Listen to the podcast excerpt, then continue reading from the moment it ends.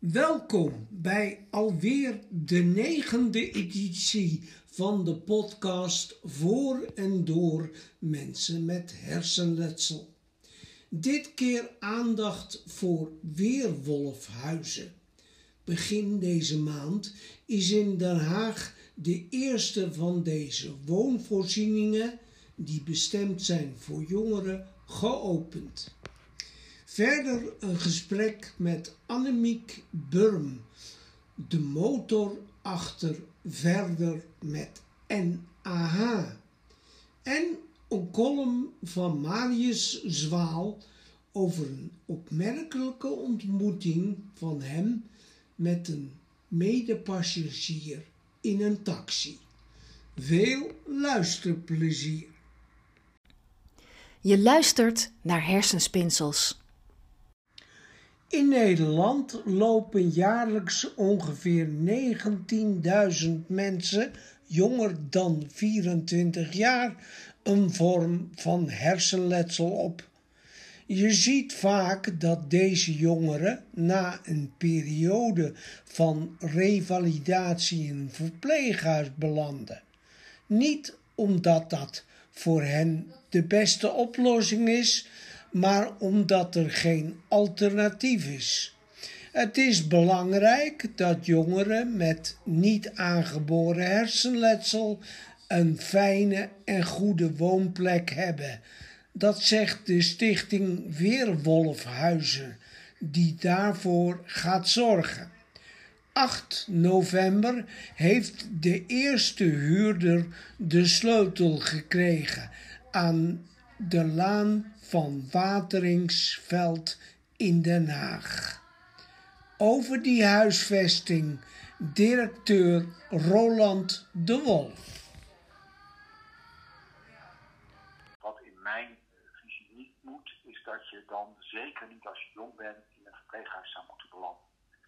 Dat uh, ik denk of ik vind dat kwaliteit van leven begint al bij in ieder geval het hebben van je eigen voordeur, je eigen woning wat je ook mankeert. Maar het hebben van je eigen woning geeft al zoveel eigen regie. En eigenheid is zo belangrijk om je leven te kunnen leiden, dat ik dacht van nou, dat moet zeker niet gebeuren als je jong man bent. En toen kwam, uh, kwam eigenlijk de gedachte van dat we naast revalidatie ook een goede woonvorm zouden moeten creëren voor uh, jongeren. Zodat ze niet belanden waar ze vaak dan. Zeker als je bijna 20 bent. Ja. 50 of 60 jaar moet wonen. Ja. Dat is eigenlijk de aanleiding. Hoe staat het met de belangstelling ervoor? Ja, uh, ik ben uh, van, tot een jaar geleden ook voorzitter van Hospitaal Nederland geweest, de patiëntenvereniging. Uh, en er was toen enorm veel vragen in aantallen van jongeren met hersenletsel. Maar we hebben gemerkt het afgelopen jaar, toen we dus met het Weerwolfhuis bezig waren, uh, dat het best moeilijk is om die doelgroep te bereiken. En veel van die jongeren zitten ja, of in een verpleeghuis, of ze wonen vaak nog bij ouders thuis, die dan allerlei voorzieningen treffen om te zorgen dat de jongeren nou ja, daar, daar kunnen wonen. Dus het is best moeilijk gebleken om de doelgroep te bereiken, maar inmiddels, door veel socia socia sociale media te gebruiken en door ook heel veel verwijzinginstanties die aan te haken, uh, ja, wordt steeds duidelijker dat de doelgroep inderdaad heel groot is. Ja, want die sociale media worden ook gebruikt door jongeren vooral, hè? Ja, dat blijkt, ja. Dus het folders neerleggen, dat werkt toch veel minder dan, dan dat je op, op LinkedIn en Facebook en Instagram en zo... Uh, ja wordt veel meer, uh, nou ja, veel, veel meer uh, gebruik van gemaakt door deze doelgroep. Even over die indeling. Hoe zien die woningen eruit? Ja, toen we begonnen uh, met tekenen, hebben we dit pand een aantal jaren geleden kunnen kopen van de woningcorporatie. Toen hadden we de gedachte dat het allemaal twee kamerappartementen moesten zijn, uh, met een woonkamer en een slaapkamer. En toen zijn we met een aantal jongeren uh, deze kijken en de tekeningen laten zien. En het grappige was dat jongeren met hersenletsel dus, die gaven aan tegen mij, joh, waarom maak je daar nou een aparte slaapkamer? Maak er één grote studio van. Want dan delen wij het zelf wel in. We vinden het eigenlijk veel prettige. Dus toen heb ik besloten om er één grote studio van te maken. Die zijn tussen de 35 uh, tot de 45 meter, zeg maar. En daarnaast heb je natuurlijk een, uh, eigen badkamer, eigen keuken enzovoort. Ja. Dus dat is uh, nee, ongeveer. Ja. Um, wat kun je vertellen over de directe omgeving van Weerwolfhuizen? Ja, van de, nou ja, wat belangrijk is voor jongeren is dat je toch in een, uh, aan de ene kant een levendige omgeving ziet, en aan de andere kant toch niet al te veel herrie of prikkels hebt. Het leuke van uh, de Laanverwapensveld, van dit pand, is dat aan de ene kant het heel goed bereikbaar is. Bij de snelweg, er rijden trams en bussen. Het is een goed geïsoleerd A-energiegebouw. A dus je hebt eigenlijk, uh, daar hoor je heel weinig van als je binnen bent. En er liggen heel veel winkels vlak. Aan de overkant ligt de Albert Heijn, de, de, de Kruidvat enzovoort. Dus je hebt eigenlijk alles heel dichtbij. Ja. Dus die is het uh, ja, voor de voor jongeren een prettige plek om te wonen. Ik denk ook, in Den Haag is de eerste er. Ik neem aan dat er meer komen. Ja, dat is natuurlijk de bedoeling. Uh, we hebben de stichting uh, opgericht en dit pand kwam eigenlijk min of meer toevallig voorbij via een ander contact van ons. We hadden niet verwacht dat we zo snel over een pand zouden beschikken. En dankzij gelukkig investeerders die mee wilden helpen om dit te realiseren, konden we het nu relatief best snel realiseren. Maar we zijn natuurlijk aan het zoeken, want naar plekken. En daar zijn we ook al mee bezig. Uh, elders in het land. Dus we willen eigenlijk overal dit soort huizen realiseren. Hè, zelfstandige woningen. Dus Ja. dat is het doel. Het doel is om het uit te rollen over Nederland uiteindelijk. Waar kunnen mensen die belangstelling hebben meer informatie krijgen? Ja, we hebben een website, weerwolfhuizen.nl. Uh, en daar kun je je aanmelden voor de nieuwsbrief. Dan krijg je periodieke nieuwsbrief. En daar melden we ook gelijk als er nieuwe ontwikkelingen zijn of als er een nieuwe locatie komt. En op de website kun je dan uiteindelijk, als er een nieuwe locatie komt, komt dat er ook op te staan. En dan kun je je daar ook inschrijven voor het woning. Dus voor de laterwateringsveld dus staat dat er al op. En dan kun je je inschrijven. En dan neemt de wooncoach heel snel contact. Roland de Wolf. What's in a name? De naam Weerwolven is verzonnen door jongeren met NAH en komt voort uit de volgende betekenis. Een weerwolf is een mythologische figuur die vooral in de Europese folklore voorkomt. Het gaat daarbij om een mens die s'nachts in een wolf verandert, tegen de wil van de betrokkenen. Maar het is ook een uiterst krachtige figuur. Dat is de combinatie waarom deze naam wordt gebruikt. Door NAH verandert er iets met je wat je niet wil en heb je dus extra veel kracht nodig om je leven toch te kunnen leiden zoals je dat zelf zou willen. Je luistert naar Hersenspinsels. De column van Marius Zwaal. Een opmerkelijke ontmoeting in een taxi voor mensen met niet aangeboren hersenletsel. Als de werkelijkheid je eigen verhaal overstemt. De ervaringen met gesubsidieerd taxivervoer zijn exemplarisch voor de verscheidenheid binnen de groep mensen met niet aangeboren hersenletsel. Veelal berust die, die op praktische ervaringen waarin het kernwoord ergernis is. Maar onlangs diende zich een nieuwe ervaring aan. Eén die het best getypeerd kan worden met woorden als bescheidenheid, relativering en mededogen. Dit soort ervaringen draagt er misschien wel toe bij dat menigeen de slachtofferrol verkiest boven het accepteren van een niet altijd gemakkelijke werkelijkheid. Enigszins hoogmoedig dacht ik na vele jaren wel een klein beetje te weten wat te verwachten bij taxiritten. Die hoogmoed is voor de val gekomen. Op een naargeestige, regenachtige herfstmiddag werd ik door een taxibus opgehaald op de terugweg van Amersfoort, waar ik een goed toegankelijk en rolstoelvriendelijk museum had bezocht, naar Hilversum. Van de goed gemutste chauffeur had ik vernomen dat er al een paar anderen naar hun bestemming waren gebracht en dat ik nu met nog maar één andere passagier naar het Mediadorp werd gebracht.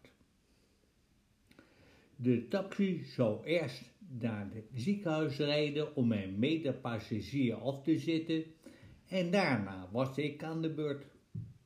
Drie kwartier, hooguit een uur, sprak de chauffeur optimistisch. Het was al bijna half zes toen de taxi vertrok. Aan de andere kant van het gangpad zat mijn medepassagier, een man van, zo te zien, nog geen vijftig. Ik merkte dat er me er een beetje aan stoorde dat hij maar recht voor ze uit bleef kijken. Mijn blikken negeerde en ook geen antwoord gaf toen de chauffeur aan hem vroeg hoe laat hij een afspraak had in het ziekenhuis. En omdat hij ook op de herhaalde vraag van de chauffeur geen antwoord gaf, besloot ik die vraag ook nog eens aan hem te stellen. Om contact van mens tot mens te vergemakkelijken, bleef ik hem daarbij goed aankijken. Helaas zonder resultaat. Dat wil zeggen dat hij op geen enkele manier reageerde op vragen en ook immuun leek te zijn voor visuele contactpogingen. Mijn ergernis nam toe. Maar de vraag van de chauffeur over het tijdstip van zijn afspraak was wel een relevante. Zeker omdat er volgens mij geen politie meer open zijn na half zes en ik, met al mijn ervaringen met ziekenhuizen, nog nooit heb gehoord dat specialisten ook na zes uur nog afspraken maken. Me nu haast overdreven naar hem toewendend, met mijn ogen strak op de zijne gericht, keek ik hem in de schemerdonker aan in zijn vermoedoogende gezicht, terwijl ik nogmaals duidelijk articulerend en met luide stem de vraag stelde hoe laat hij een afspraak had in het ziekenhuis. Eindelijk keek de man in mijn richting en nu pas zag je zijn rode, bloed doorlopen ogen. En terwijl hij, haast verontschuldigend, voor het eerst mij rechtstreeks aankeek, antwoordde hij: Oh meneer, neemt u mij niet kwalijk. Ik heb geen afspraak hoeven maken. Ik ga op bezoek bij mijn vrouw. Ik heb vanmiddag een telefoontje van de dokter gekregen dat zij de operatie die haar leven moest redden niet overleefd heeft. In mijn eigen kokonnetje heb ik me nadien voor allerlei andere prikkels afgestoten. Nogmaals, excuses. Hoewel het al flink schemerde, kon ik in de reflectie van het raampje zien dat mijn hoofd niet schaamrood, maar donkerpaars was aangelopen. Ik stamelde iets terug tegen hem, ongetwijfeld troostend bedoeld, hoewel ik zelf vooral medelijden voelde. Mijn hand ging als vanzelf naar zijn schouder in een poging van enige compassie blijk te geven. Zo, in een pose van rigor mortis, bereikten we de hoofdingang van het ziekenhuis. De man, die weer leek te zijn teruggevallen in zijn eerdere afwezigheid, stapte uit en ging het leven zonder tegemoet. Ik weet zeker dat ik niet de enige ben voor wie zo'n ervaring life-changing is. Vaak genoeg komt het voor dat we, dat geldt zeer waarschijnlijk ook voor mensen die geen ervaring hebben met NAH, degene dus die denken geen beperking te hebben, dat we zo in onze eigen werkelijkheid geloven dat we vergeten na te gaan of we de werkelijkheid niet met ons eigen verhaal verwisselen. Nadat ik mezelf op deze gedachtekonkel betrapte, heb ik me aangeleerd eerst drie vragen te stellen aan degene met wie ik contact heb. Vrijwel elk contact nadien kreeg onmiddellijk meer diepgang. De verbinding met de medemens werd makkelijker mogelijk toen ik en nieuwsgierig de ander benaderde, niet langer mijn voordeel liet, bepalen wat voor vlees ik in de kuip had en in plaats daarvan de ander met open vizier probeerde te ontmoeten. En ja hoor, ook nu gaat het regelmatig mis. Levenslang leren ik kan nog even vooruit. Wat zal ik oud worden? Marius Zwaal.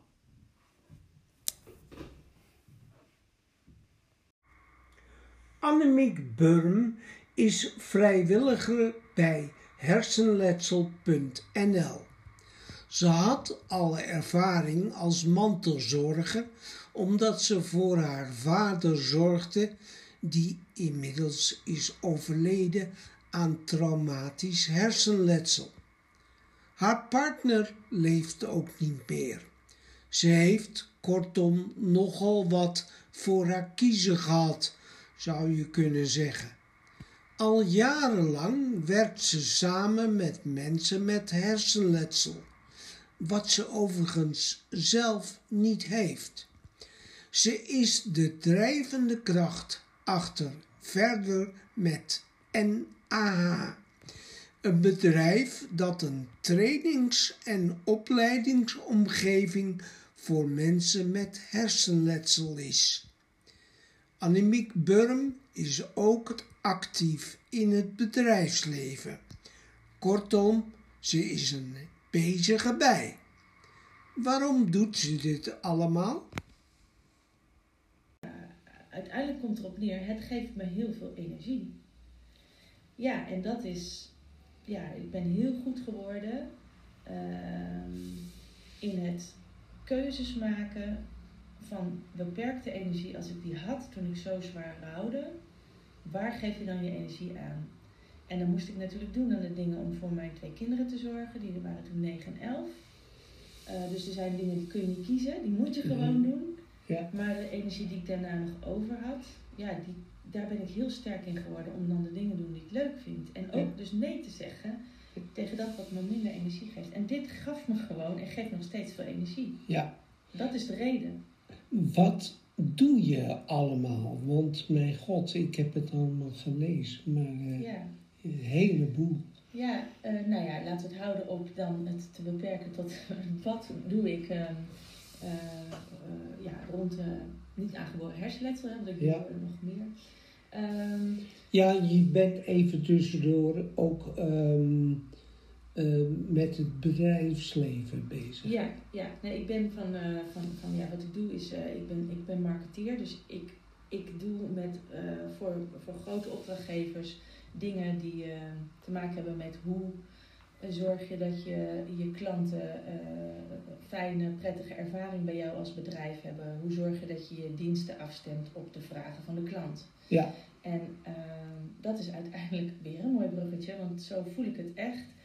Dat is ook wat ik doe met dat wat ik eh, ja, wil bereiken met het samenwerken van mensen met letsel. Ja. Ik, eh, wat ik doe is, ehm, ehm, ik, ik, ik doe nu sinds 2007 vrijwilligerswerk. Daarom werk ik samen met mensen met niet aangeboren hersenletsel en ken ik echt wel goed het veld van wat er aangeboden wordt als je net in revalidatie zit of net daarna of als je in een chronische fase zit, zoals dat zo mooi heet. Oftewel, Ja. verder leven met je letsel. Ja. En eh, daarin heb ik ontdekt eh, dat eh, mensen het lastig vinden om dat, dat leven met letsel verder vorm te geven. En dat is wat ik met verder met NAH, zo heet het bedrijf wat ik nu opzet. Ja. Zo heet dat. En waar ik me daarop richt is dat ik ehm, vooral eigenlijk mensen die, ja, als je niet meer kunt reïntegreren in je werk, in je betaalde werk, dus dan ga ik Mhm. al uit van een werkend iemand, dat snap ik, maar dat is wel waar, waar, waar ik het altijd zo enorm ellendig vind om te zien, Mhm. dat mensen dan niet meer eigenlijk een zinvolle en een betekenisvolle en een, leu een prettige manier hebben om een dag te besteden. En Ja. ehm, waar ik eh, dan vooral naar kijk, zijn mensen die niet meer terug kunnen komen in hun werk. En waar het UWV, die je echt ook na twee jaar, als je niet meer blijkt dat je niet meer kan werken, Mhm. en nog wel mogelijkheid hebben om mensen weer ja, werkfit, heet dat geloof ik, te krijgen. Maar niet als je minder dan, ik geloof, 14 uur Ja. eh, belastbaar bent. Ja. En 14 uur voor iemand met letsel eh, betaal is gewoon heel erg veel als je Ja. daarin gewoon je, je werk wil doen. Dus, maar ik denk er zijn nog zoveel meer mogelijkheden om met alles wat je in je rugzak hebt als mens, Ja. ehm, nou, je dag te vullen. Dus ik ontwikkel nu een, ik noem het een platform. Het is een plek en dat is online, maar dat is ook offline, eh, waarin mensen elkaar kunnen ontmoeten, mensen met hersenletsel, waarin ik eigenlijk met hen samenwerk en hun dingen aanreik om weer met vertrouwen en plezier te kijken naar hoe zij hun toekomst kunnen invullen. En dat, heeft, dat kan met werk, maar dan misschien weer minder uren, maar dat kan ook met vrijwilligerswerk. Een manier in ieder geval waar jij energie van krijgt om die dingen te doen die je fijn vindt. Ja. En waarbij het contact met mensen samen heel belangrijk is. Dus met eh, mensen met letsel die elkaar ook ontmoeten. Ja. En er zitten eigenlijk elementen in die ik gewoon in mijn hele leven zelf verzameld heb. Ehm, ja, en die ook gaan over rouw en verlies. Maar die ook gaan over eh, verhalen vertellen. Die gaan over wat kan wel. Dus ik kijk heel erg naar ehm, veerkracht. Mhm. Hoe kun je kijken naar hoe je omgaat met de dingen die op je pad komen. Ja. Ehm, ja, dus daar, daar, dat doe ik. Ja. Ehm, voordat verder met NH. Ja. Hoe ik mensen daarin kan ondersteunen. Ja. Je vraagt ook mensen eh, een enquête in te vullen. Ja, dat klopt. Ehm, de basis onder verder met NH is dat het voor mensen uiteraard is met NH. Ehm, en daar komt waarschijnlijk dan ook mijn marketingachtergrond. Het klinkt soms al snel en eh, dat is niet wat ik bedoel. Markt, marketing is uiteindelijk kijken naar je doelgroep. En welke behoeften hebben zij, welke verlangens hebben zij en proberen daar je dienst zo goed mogelijk op aan te passen. En ehm, daarvoor is het voor mij ja, volledig normaal dat je daarin dus de mensen betrekt om wie het gaat. Dus het opzetten hiervan doe ik samen met, met Farah, Farah Verhagen. Die ken Oh jij ja, ook. ja, ja. Nou, als voorbeeld, Farah is iemand die is een uitstekende, een, hartstikke professional. Ja. Ja, een marketeer overigens ook. Kreeg haar letsel, kan niet meer werken, maar weet nog wel heel goed wat ze leuk vindt. Ja. En eh, nou, ik ken Farah uit, eh, nou gewoon, ja, eh, ja, ik ken Vara. Ja. En ik, kwam, ik, ik wist dat zij eh, ook heel graag zich weer wat intellectueel laat uitdagen. En net op het moment dat ik dit ontwikkel, ja, dan kijk ik dus naar hoe kan ik Vara helpen? Wat, wat kunnen we binnen de ontwikkeling Oh, ja. doen, zodat Vara Mm. weer gewoon datgene waar ze gewoon hartstikke goed in is, kan doen. Ja. En, ehm, ja, en, en ik dus, want ik heb heel, heel veel eh, ervaring met mensen, maar ik Ja. heb geen letsel. Nee. Dus, ehm, dus dat, ik, eh, nou, dat we eigenlijk allebei onze dingen doen waar we goed in zijn. Maar zij Ja. is de enige die het vanuit een ander perspectief, wat ik echt niet heb, zonder mijn letsel, Ja. eh, kan ontwikkelen. En dat is een voorbeeld. Maar dat is ook de reden waarom we die enquête hebben opgesteld.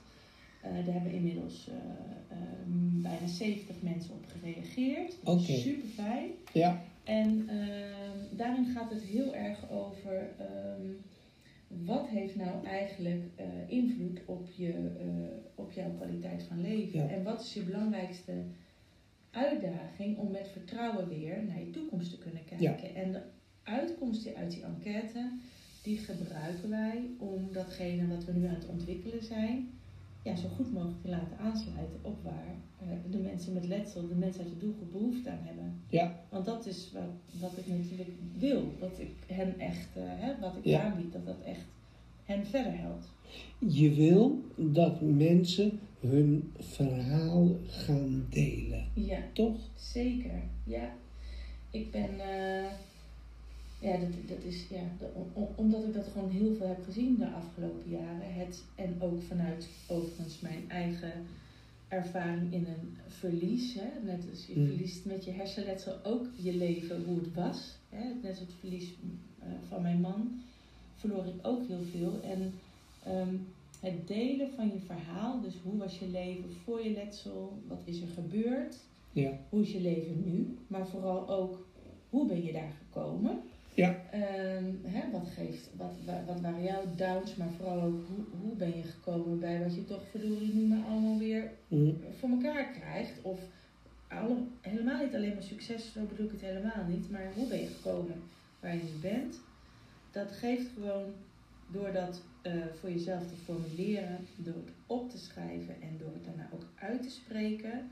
Daarmee, ja, geef je getuigenis aan iets wat heel groot is in Ja. je leven. En dat is gewoon heel belangrijk om dan om dat met anderen te delen. Dat Ja. is voor jezelf ja, ja, zwaar, maar ook eh, bevrijdend soms om het eh, hardop te vertellen. Ja. En een ander, het, het, het breekt altijd zo mooi het contact, of niet het breekt het, het brengt altijd zo mooi contact Ja. in de, in de erkenning en in de herkenning. eh, Annemiek Burm is voorlopig te bereiken via een Instagram-account, verder met NAH. En het mailadres support apenstaart verder met nah.nu. Later wil ze met een pilot gaan starten en een podcast gaan beginnen. Je luistert naar Hersenspinsels. Tot zover de tiende editie van Hersenspinsels. Eind van het jaar volgt een overzicht van het afgelopen jaar van de tien afleveringen. Tot dan!